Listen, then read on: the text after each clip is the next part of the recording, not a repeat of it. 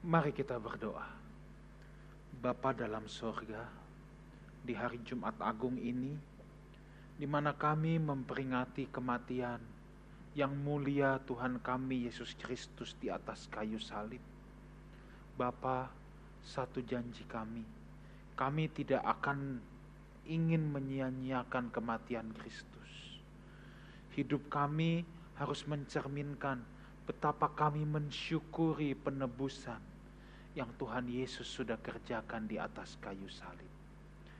Terima kasih Bapa. Kalau sebentar kami akan merenungkan kebenaran firman-Mu. Mari Roh Kudus Engkau guru kami yang agung, mengajarlah di tengah-tengah kami semua. Hanya di dalam nama Tuhan Yesus, Tuhan dan Juru Selamat kami yang hidup, kami berdoa. Sama-sama kita katakan, amin. Shalom Lifehouse Family, di mana pun saudara berada. Hari ini kita merayakan Jumat Agung. Jumat Agung sesungguhnya menjadi momen yang sangat-sangat istimewa. Walaupun di negara barat biasanya Christmas, Natal menjadi momen yang paling besar-besaran. Tetapi saya mau katakan bahwa sebenarnya momen yang paling penting adalah Jumat Agung dan Paskah. Itulah sebabnya Natal kita tidak tahu persis kapan Tuhan datang ke bumi ini. Manusia memang senang merayakan hari kelahiran, makanya ada happy birthday, happy birthday. Tetapi justru kalau dalam kekristenan yang paling krusial itu bukan hari kelahiran, tapi justru hari kematian. Sebab apa? Kematian kehidupan seorang Kristen yang benar itu adalah sebuah permulaan hidup yang sesungguhnya. Hari kematian adalah hari permulaan hidup yang sesungguhnya. Maksudnya apa pastor? Jadi selama ini kita nggak benar-benar hidup. Oh kita betul-betul hidup. Tetapi hidup yang kita jalani di bumi ini adalah persiapan menuju kehidupan yang sesungguhnya. Kehidupan yang sesungguhnya adalah kehidupan yang kekal, yang tidak berujung, yang tidak bertepi. Tetapi kehidupan yang sekarang ini tetap harus kita jalani sebaik-baiknya, sebab kehidupan yang sekarang ini adalah satu-satunya kesempatan kita mempersiapkan diri kita untuk menuju hidup yang sebenarnya.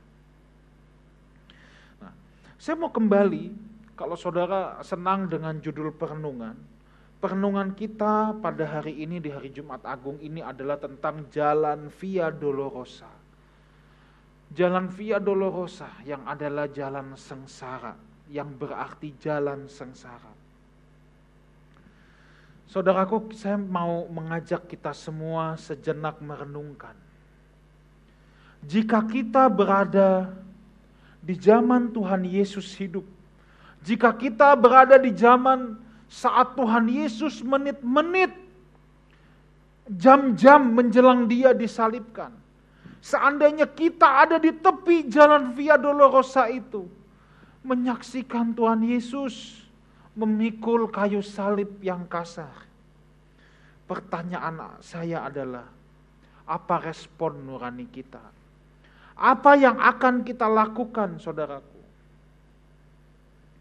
Oh, kalau sekarang kita mungkin dapat berkata, "Oh, saya pasti akan bantu langsung." Oh, belum tentu, saudaraku, belum tentu, belum tentu. Jangan lupa Tuhan Yesus ketika hidup di bumi, ketika melayani selama tiga setengah tahun, dia adalah guru favorit, rabi yang diikuti banyak orang. Ke mana pun dia khotbah ribuan orang berbondong-bondong. Tetapi ketika di jalan Via Dolorosa, ia memikul kayu salib yang kasar. Ke mana orang-orang itu? Ada tiga macam reaksi saudara. Ada tiga kemungkinan. Yang pertama cuek. Ini nuraninya memang sudah rusak, diem aja.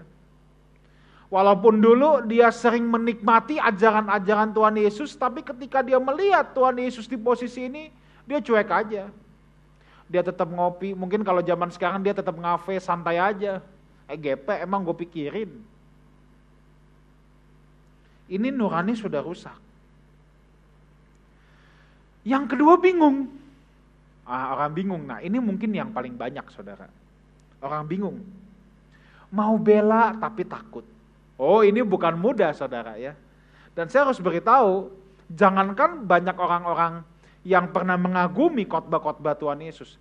Murid-muridnya saja paling banyak di golongan ini. Golongan orang bingung. Kenapa saya katakan bingung? Ya bingung. Dalam hati sih mau bela, tapi takut. Gimana dong? Kalau aku bela, aku bisa kena lagi nih jangan-jangan. Saudara pernah melihat yang kejadian-kejadian seperti itu di mana orang bisa membela kebenaran, tapi dia takut untuk membela kebenaran. Karena dia pikir, aduh salah-salah, kalau gua ikut bela-belain, gue yang kena lagi batunya. Ngapain sih gue sok kepo kan gitu, ya. Tapi masalahnya nih orang-orang yang pernah berinteraksi loh dengan Tuhan Yesus. Bahkan murid-muridnya sendiri. Ingat Petrus yang dengan gagah, wah aku bela engkau sampai mati. Nggak taunya dia menyangkal saudara. Ketika ditanya itu bukan orang yang bersama-sama engkau. Enggak, aku nggak kenal tuh. Orang bingung saudara. Nah murid-murid seperti ini. Diam tapi terganggu. Ini masih lumayan lah. Masih punya nurani daripada yang cuek tadi atau ada reaksi yang ketiga, berani membela terang-terangan. Ini Simon dari Kirene termasuk saudara. Simon dari Kirene ini pasti bukan orang Yahudi justru saudara ya, dari daerah Kirene, orang kulit hitam. Ketika dia melihat Yesus memikul kayu yang kasar itu, dia berani bertindak, dia berinisiatif, aku yang pikul Saudara hampir tidak mungkin Simon tidak pernah mendengar tentang Yesus sebelumnya. Yesus begitu populer dan kemungkinan besar bahwa Simon tahu siapa Yesus dan bagaimana prinsip hidupnya. Simon tahu, saudaraku. Kalau saya jadi murid-muridnya, saya mungkin akan malu. Lo aku lo yang tiap hari sama-sama sama dia. Ini ada orang yang mungkin saat itu murid-murid juga lihat, ini baru pertama kali loh saya lihat batang hidungnya. Siapa orang ini? Kok berani? Kalau saya jadi murid-murid saat itu, saya mungkin akan malu, saudaraku. Ke mana murid-murid saat itu? Seharusnya logikanya yang memikul kayu salib yang kasar itu bukan Simon. Tapi murid-muridnya, kan logikanya begitu. Apa yang saudara bayangkan kalau saudara ada di jalan itu? Apakah nurani kita akan berkata, apa salah orang ini sampai orang ini harus dihukum? Bukankah orang buta melihat, orang lumpuh berjalan? Kenapa orang sebaik ini, di mana di wajahnya hanya ada tampang yang penuh welas asih, penuh kebaikan, kenapa dia harus dihukum? Seseorang dengan kuasa, kuasa ilahi yang hebat. Yang wajahnya memancarkan kelembutan, kenapa dia harus dihukum? Kenapa orang sewenang-wenang menyalibkan dia? Memang benar saudara, ada pepatah yang berkata, sering kali terjadi dalam hidup orang baik, hidup mencemaskan, mati mengenaskan. Hidup mencemaskan, mati pun mengenaskan. Ini fakta, kita melihat banyak orang baik. Kadangkala kita bertanya, Tuhan, kok orang sebaik dia engkau izinkan seperti ini? Nah jeritan semacam ini bukan hanya ada pada kita sekarang ini. Pemasmur Daud pernah menjerit semacam ini sejak dulu. Dalam Mazmur 73 ayat yang ke-12 sampai 14, Mazmur 73 ayat 12 sampai 14 saya akan bacakan.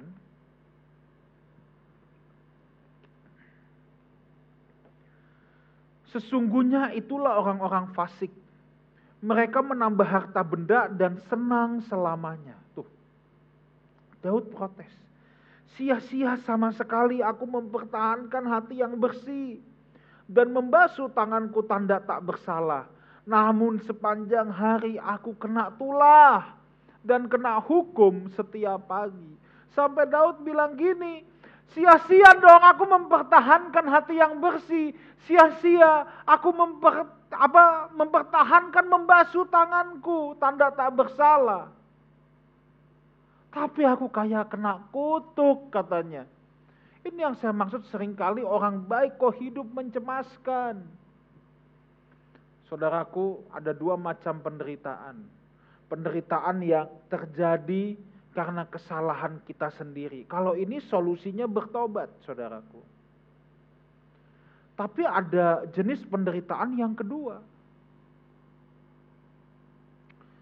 yaitu penderitaan yang kita alami karena kita membela kebenaran, karena kita mau hidup dalam kebenaran, karena kita melakukan kehendak Tuhan.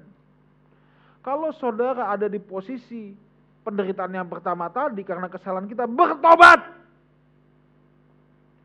Tapi kalau kita menderita karena kita mau melakukan kebaikan, karena kita membela kebenaran, kita sedang melakukan kehendak Tuhan dalam hidup kita, Pesan saya satu, jangan kecil hati. Jangan kecil hati. Ingat saja, Yesus juga pernah mengalami itu. Rasul-rasul juga pernah mengalami itu. Coba sebutkan satu rasul saja yang matinya senyum, ketawa. Nggak ada saudara. Matinya mengenaskan. Ada yang dengan cara dipenggal. Ada yang dengan cara disalib terbalik. Ada yang dengan cara dikulitin. Ada yang digoreng dan lain sebagainya.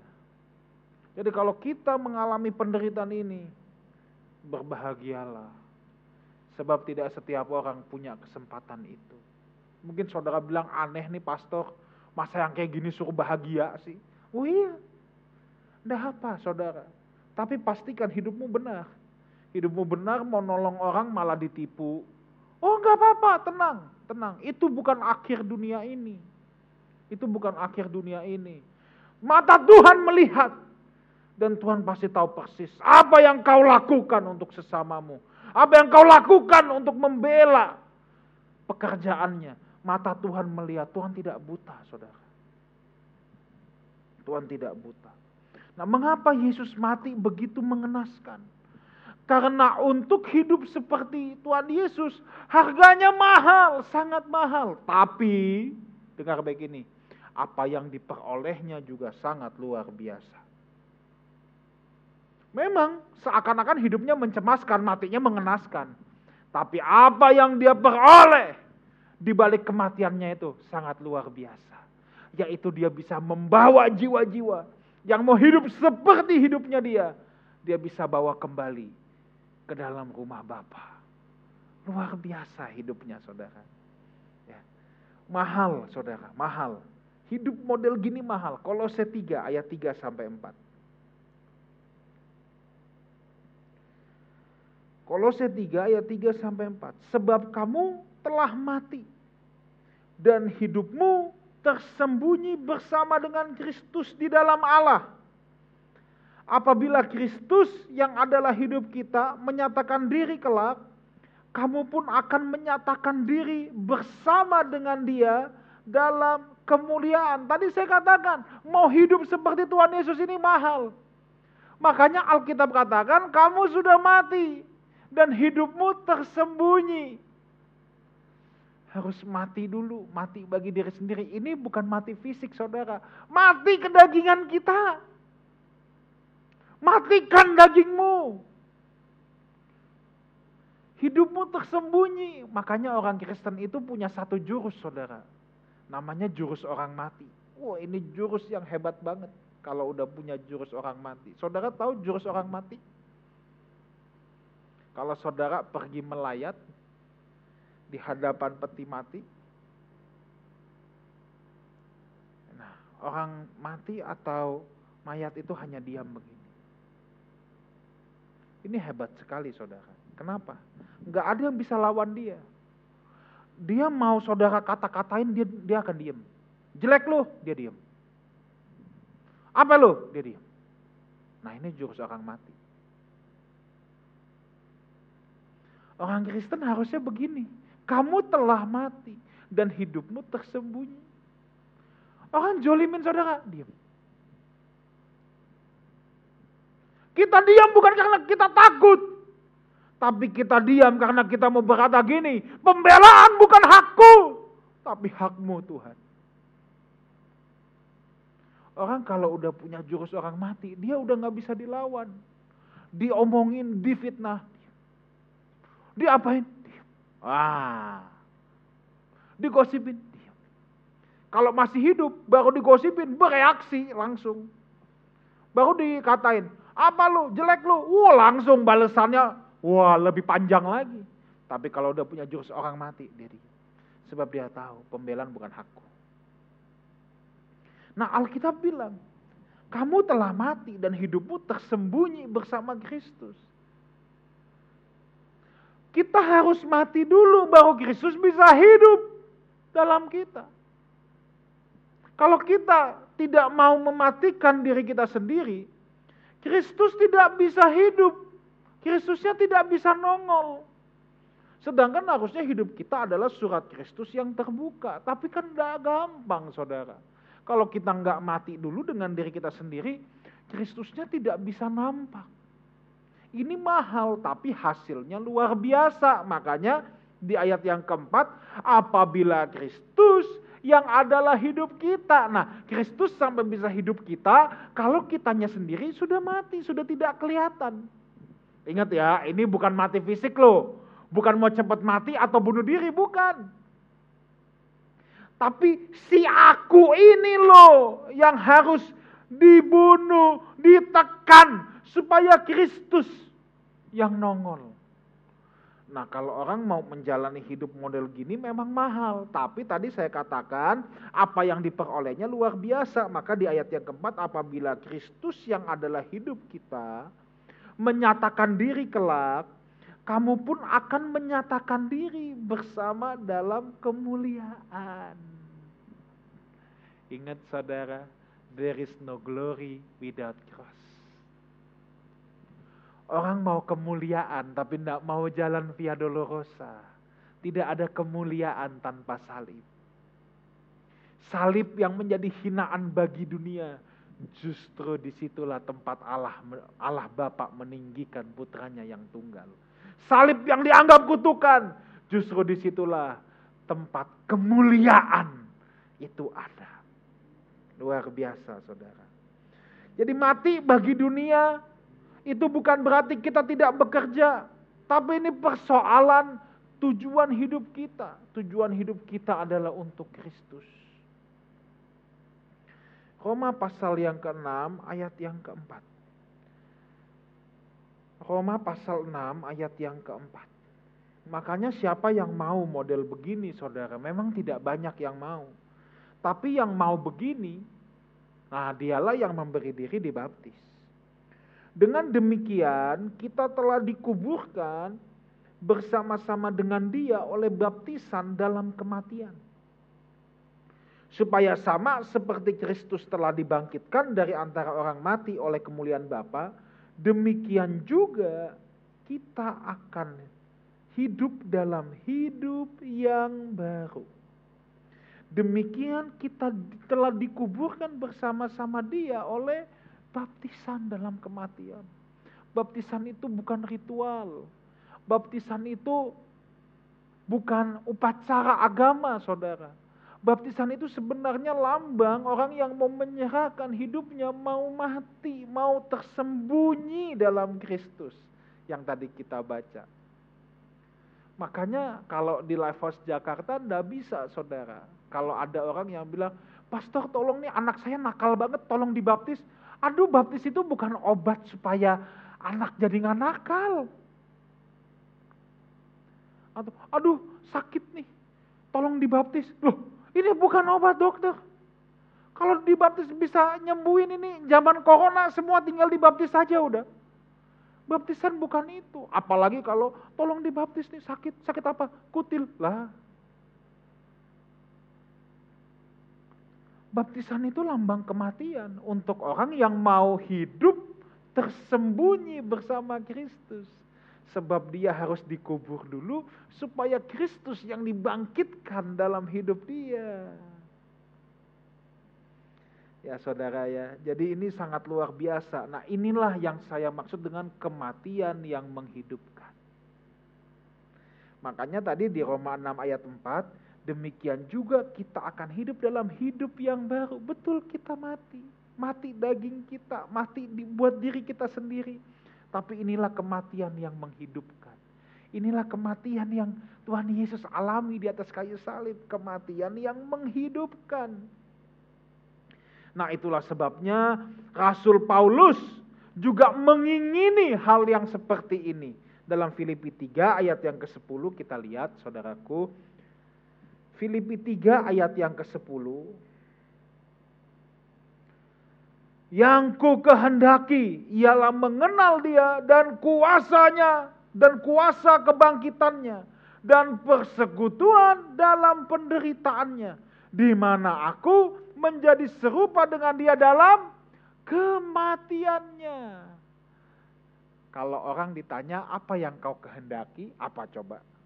Aku mau jalan-jalan, aku mau rumah. Sekarang gak ada yang bisa jalan-jalan, semua negara menutup dirinya. Apa yang kau kehendaki? Kalau Paulus ditanya apa yang kau kehendaki? Yang ku kehendaki ialah mengenal dia dan kuasa kebangkitannya. Sampai akhirnya aku menjadi serupa dengan dia dalam kematiannya saya ganti dengan satu kalimat simple yang Paulus kehendaki adalah kematian yang menghidupkan. Yang Paulus kehendaki adalah sebuah jalan via dolorosa supaya dia boleh memperoleh kemuliaan bersama-sama Kristus ketika Kristus dinyatakan. Kan yang model gini langka, saudara. Yang model gini tuh jarang. Itu sebabnya di atas kayu salib Tuhan berkata sudah selesai. Sudah selesai. Iya.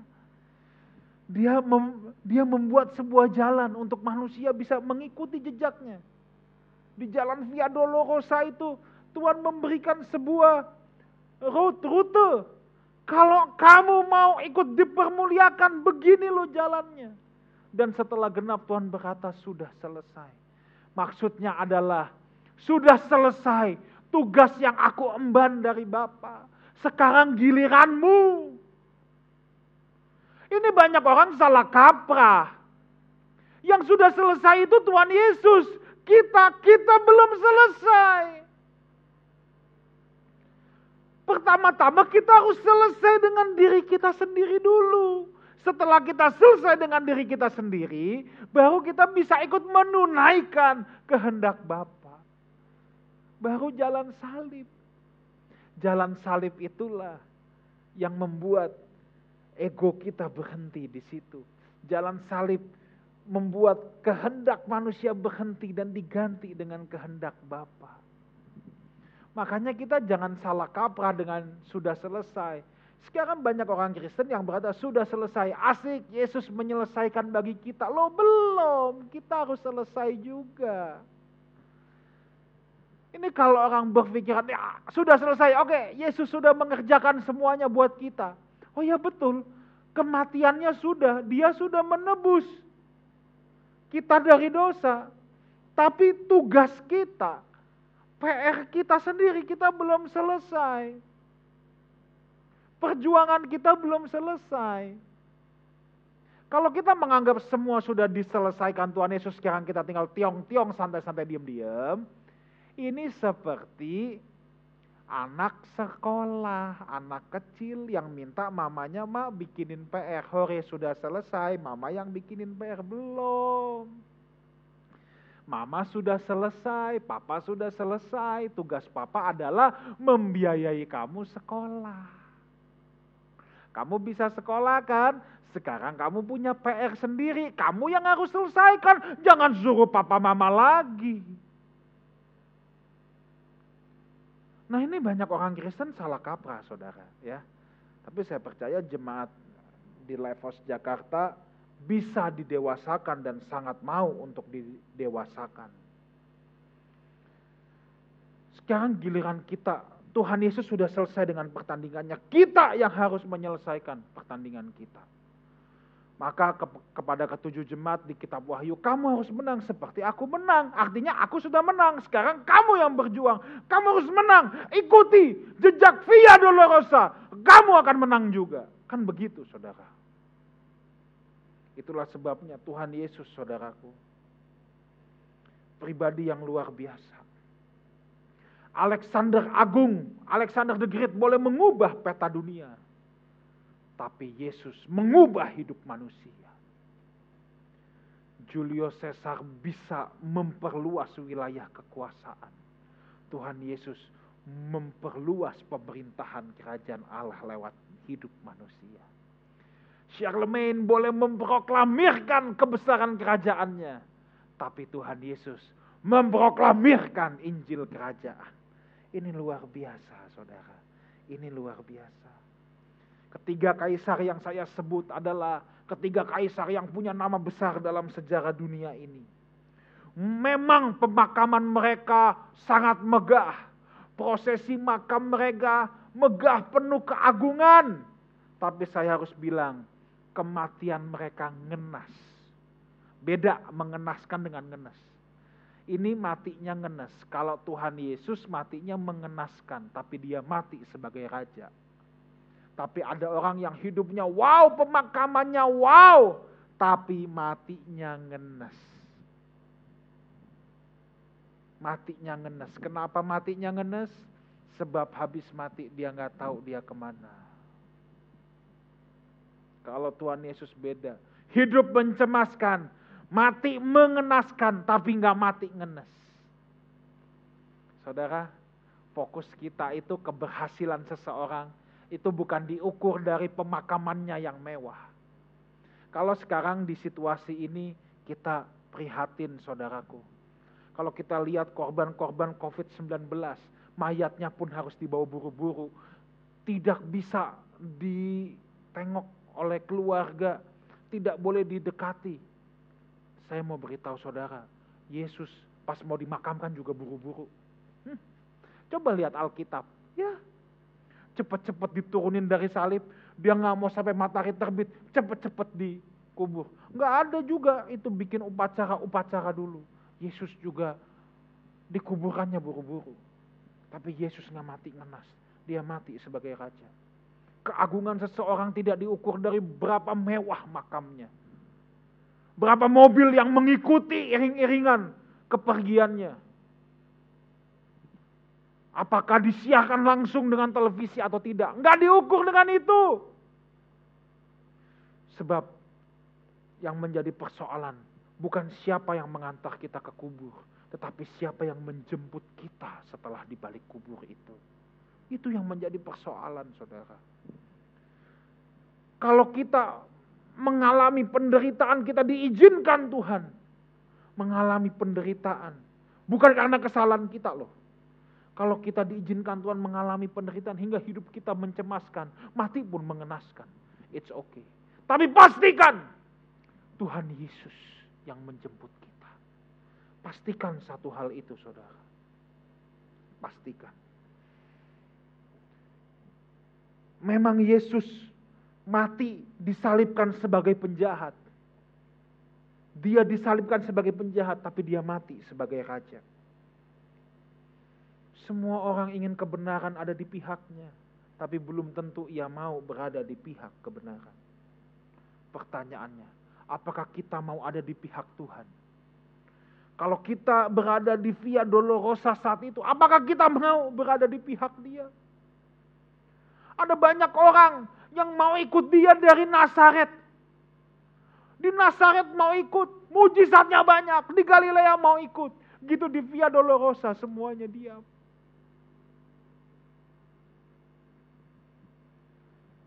Apakah kita mau ikut dia dari Nazaret sampai ke Golgota? Di Via Dolorosa pun aku mau ikut Tuhan.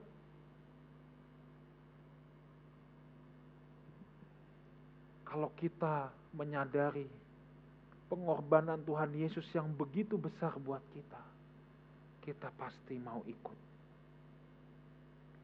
Tidak ada manusia di dunia ini yang disiksa melebihi penyiksaan yang dia alami. Saudara ada film yang dibuat oleh Mel Gibson di awal tahun 2000-an, Passion of the Christ. Film itu ketika di Australia sampai dapat rated karena banyak darahnya. Sampai ada sekom ada segerombol orang pang gitu, geng, yang masuk bioskop nonton film itu pulang nangis-nangis juga. Sampai orang bingung ini kenapa dengan orang-orang ini, badan yang model rambutnya diwarnain cuma di tengah doang gitu. Nonton Passion of the Christ nangis. Orang bilang itu film terlalu kejam. Tapi saya mau beritahu saudara. Apa yang Yesus alami jauh lebih berat. Daripada apa yang ada di film itu. Apa yang Yesus alami itu bukan acting. Kalau di film itu masih acting. Yang Yesus alami adalah sebuah kenyataan. Cambuk yang dipakai itu, cambuk Romawi itu. Ujungnya itu bukan karet, saudara itu ujungnya itu besi. Besinya itu ada duri, ada cangkok. Jadi begitu dihajar ke punggung Tuhan Yesus. Dan yang hajar itu bukan dengan lemah gemula, itu algojo yang gede-gede. Dihajar, cis. Itu kailnya itu nyangkut, ditarik dagingnya keluar. Penderitaan yang Yesus alami luar biasa. Mahkota duri, saudara Ingat di salib itu kan ditulis Inri. Inri itu artinya inilah sorry, Yesus orang Nazaret, raja orang Yahudi. Itu cemoohan, saudara. Itu cemoohan. Itu cemoohan. Karena kan tuduhan kepada dia, ini orang yang mau angkat jadi raja nih. Tapi Tuhan kan bilang, kerajaanku bukan dari dunia ini. Jadi untuk dicemooh, raja itu kan punya mahkota. Yesus dikasih mahkota, tapi mahkota duri.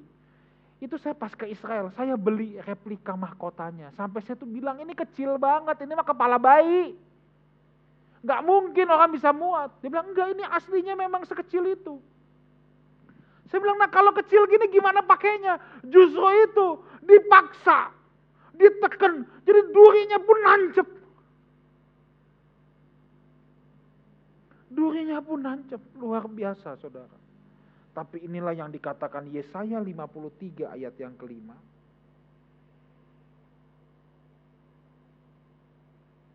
Yesaya 53 ayat yang kelima.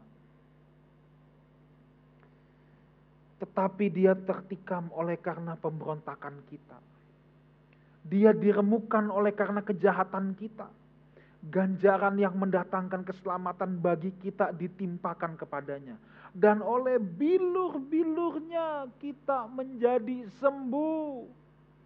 Nah ayat ini dikutip saudara di 1 Petrus pasal yang kedua. Kita buka. 1 Petrus pasal yang kedua. Saya akan bacakan mulai dari ayat yang ke-23.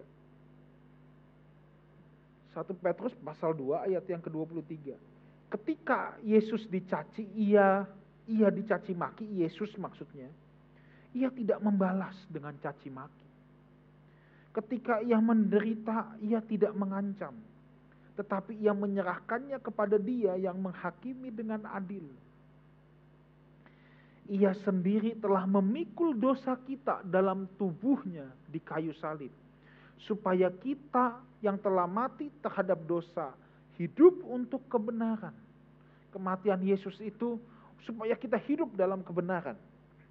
Oleh bilur-bilurnya kamu telah sembuh. Sebab dahulu kamu sesat seperti domba, tetapi sekarang kamu telah kembali kepada gembala dan pemelihara jiwamu. Oleh bilur-bilurnya kamu telah sembuh. Ini bukan persoalan penyakit jasmani, saudara. Oh iya, Tuhan bisa sembuhkan kita dari penyakit jasmani. Tapi bilur-bilurnya yang menyembuhkan kita, lihat ayat selanjutnya kan sebab kamu dahulu sesat seperti domba, tetapi sekarang kamu kembali kepada gembala dan pemelihara jiwamu. Bilur-bilur Yesus itu menyembuhkan jiwa kita. Supaya kita tidak sesat seperti domba. Sesat itu kan mengambil jalannya sendiri. Itu Yesaya 53 ayat yang ke-6 tulis itu kamu sekalian sesat seperti domba. Tadi yang kita baca Yesaya 53 ayat 5. Jadi bilur-bilurnya Yesus itu menyembuhkan kondisi jiwa kita. Supaya kita tidak sesat lagi. supaya kita bisa hidup meneladani hidupnya dia, saudaraku. Nah, banyak orang salah kaprah di sini. Apalagi di zaman sekarang ini kita jaga kesehatan kita ya. Saudara jangan berkata ah bodoh amat oleh bilur-bilurnya aku telah disembuhkan. Terus kita tidak jaga kesehatan kita. Waduh, jangan saudara. Ya. Jangan. Itu namanya konyol. Itu namanya mencobai Tuhan. Ya. Itu namanya mencobai Tuhan. Nah saudara, jalan Via Dolorosa inilah satu-satunya jalan menuju ketinggian. Saya sudah pernah bagikan bahwa jalan Tuhan itu adalah jalan yang tinggi, highway. Tapi untuk bisa naik ke atas, kita harus melalui jalan Via Dolorosa, jalan salib, jalan kerendahan hati. Kalau kita mau naik ke atas, kalau kita mau berjalan di jalannya Tuhan, jalan yang tinggi itu, supaya kita bisa punya matanya Tuhan, kita bisa punya hatinya Tuhan. Yang saya sudah pernah bagikan, bahwa kalau kita naik di ketinggian, kita akan melihat semuanya sama. Kita nggak membedakan manusia. Kita udah nggak bisa lihat mana gemuk, mana kurus, mana baju mahal, mana enggak, mana tas branded, mana enggak, mana mobil mewah, mobil Eropa atau mobil Asia. Kita udah nggak tahu, semua sama. Dan kita akan melihat setiap orang, kalau kita dari atas, kita melalui jalan Via Dolorosa, kita dari ketinggian, kita melihat hanya ada satu harga orang itu, siapa pun dia. Harganya adalah darah Yesus yang tercurah di atas kayu salib. Harusnya kita menghargai setiap orang seperti itu, saudara. Sekarang ia telah duduk di sebelah kanan Bapak. Ia tidak lagi di Via Dolorosa tapi ia meninggalkan jejak Via Dolorosa untuk kita. Pertanyaannya, apakah kita mau mengikuti jalan jejaknya di Via Dolorosa itu? Di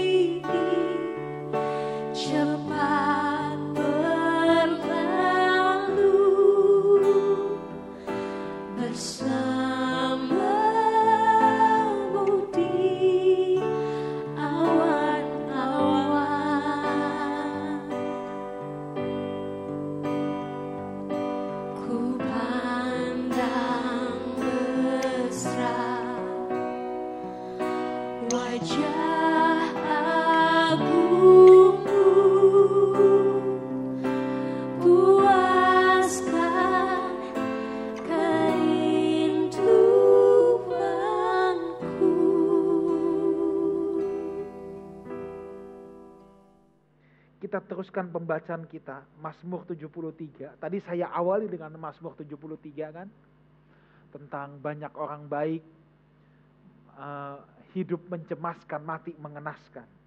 Kita sambung sekarang di ayatnya yang ke-16 dan 17.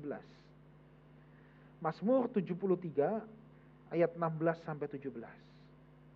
Tadi ayat 12 sampai 14 Daud komplain ya, sampai Daud bilang, "Sia-sia aku mempertahankan hati yang bersih." Sia-sia aku basuh tanganku tanda tak bersalah. Tapi sepanjang hari aku kena tula, ya kan? Coba ayat 16. Tetapi ketika aku bermaksud untuk mengetahuinya, hal itu menjadi kesulitan di mataku. Waktu dia mau tahu, kok begini sih hidupku? Sulit katanya. Memang tidak segala hal kita perlu tahu sekarang. Tapi lihat, sampai aku masuk ke dalam tempat kudus Allah dan memperhatikan kesudahan mereka. Belum, tadi saya katakan di awal ya, kematian hanyalah awal kehidupan yang sebenarnya. Ketika Daud masuk ke tempat kudus Tuhan, mungkin dia mendapatkan penglihatan tentang akhir kehidupan manusia dia baru bisa berkata, sekarang aku nggak menyesal deh. Aku mempertahan, aku mempertahankan hati yang bersih. Aku mempertahankan tangan yang bersih. Sekalipun hidupku mencemaskan, tidak sia-sia. Aku melihat kesudahan. Di sana ada kematian yang menghidupkan. Jadi saudara, kalau kita mengalami penderitaan yang kedua, lihatlah akhir kehidupan ini. Apa yang Alkitab tulis. Supaya kita tidak menjadi lemah. Supaya kita tidak menjadi lemah. Nah, baru ayat ke-24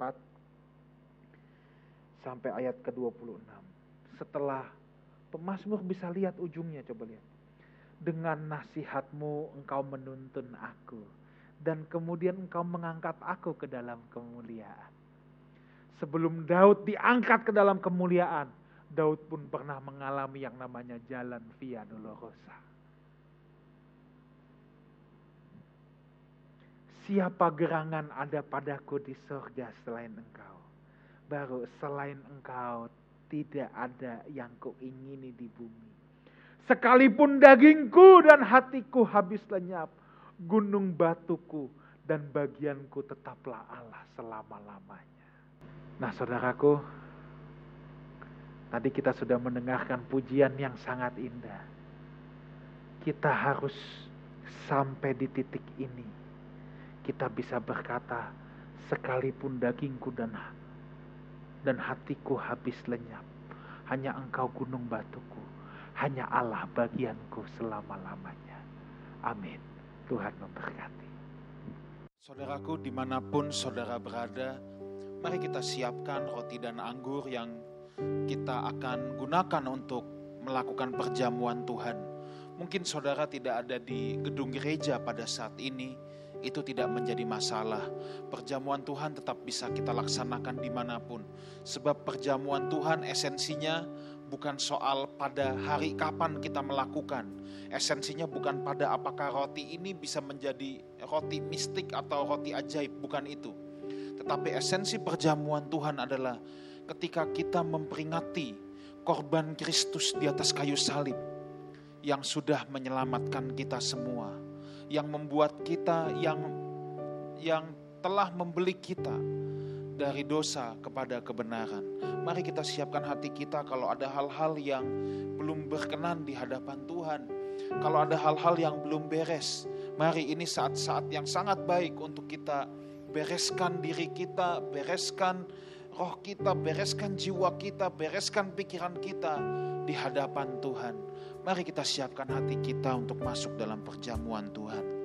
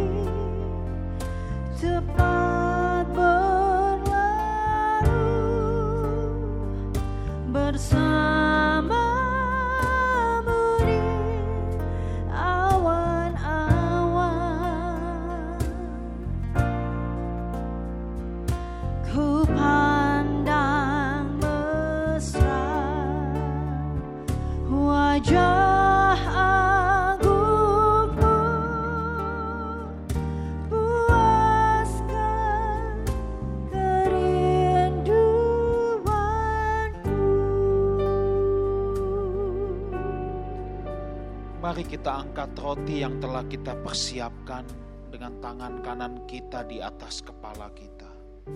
Demikianlah firman Tuhan. Sebab apa yang telah kuteruskan kepadamu, telah aku terima dari Tuhan, yaitu bahwa Tuhan Yesus pada malam waktu ia diserahkan, mengambil roti dan sesudah itu ia mengucap syukur atasnya ia memecah-mecahkannya dan berkata, Inilah tubuhku yang diserahkan bagi kamu. Perbuatlah ini menjadi peringatan akan aku. Saudaraku, roti yang kita semua pegang ini adalah lambang dari tubuh Tuhan Yesus Kristus yang terpaku di atas kayu salib yang dipecahkan bagi kita. Mari kita makan bersama-sama dalam nama Tuhan Yesus.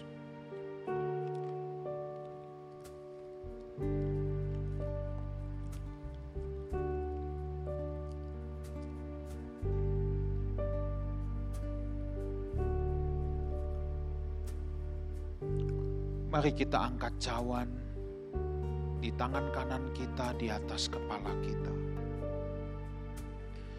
Demikian firman Tuhan. Demikian juga ia mengambil cawan sesudah makan. Lalu berkata, cawan ini adalah perjanjian baru yang dimeteraikan oleh darahku. Perbuatlah ini setiap kali kamu meminumnya menjadi peringatan akan aku. Bukankah cawan yang kita pegang ini, anggur yang kita pegang, adalah lambang dari darah Tuhan Yesus Kristus? Mari kita minum dalam nama Tuhan Yesus.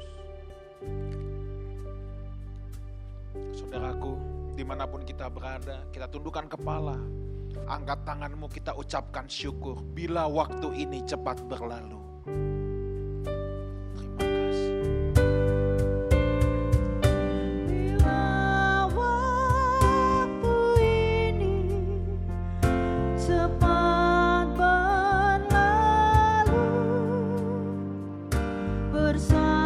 Jadikan ini kerinduan setiap kita.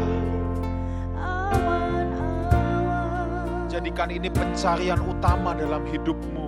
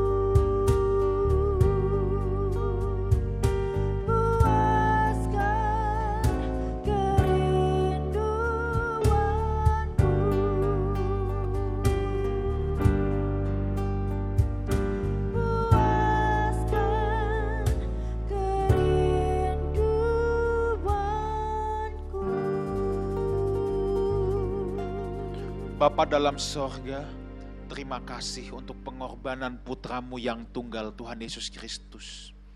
Yang telah mati gantikan kami semua, menebus dosa seluruh dunia. Bapa, pada siang hari ini Tuhan, kami bersyukur untuk kasih setia Tuhan, bersyukur untuk korban penebusan putramu yang tunggal, dan pada siang hari ini kami mau membuat sebuah komitmen yang baru bahwa hidup kami telah dibeli lunas, bahwa kami mau mengabdikan seluruh hidup kami, segenap hidup kami hanya kepadamu saja.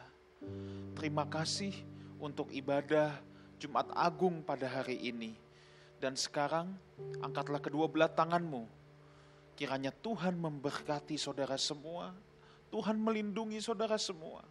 Tuhan menyinari engkau dengan wajahnya yang penuh dengan kemuliaannya dan biar kiranya berkat dari Allah Bapa, cinta kasih kasih karunia dari Tuhan kita Yesus Kristus, persekutuan yang indah dan yang manis dengan Roh Kudus menyertai kita semua mulai sekarang sampai Maranatha. Tuhan Yesus datang untuk yang kedua kalinya menjemput saudara-saudaranya yang hidup berkenan kepadanya. Sama-sama kita katakan amin. Terima kasih saudaraku. Selamat Jumat Agung. Tuhan menyertai kita semua. Haleluya.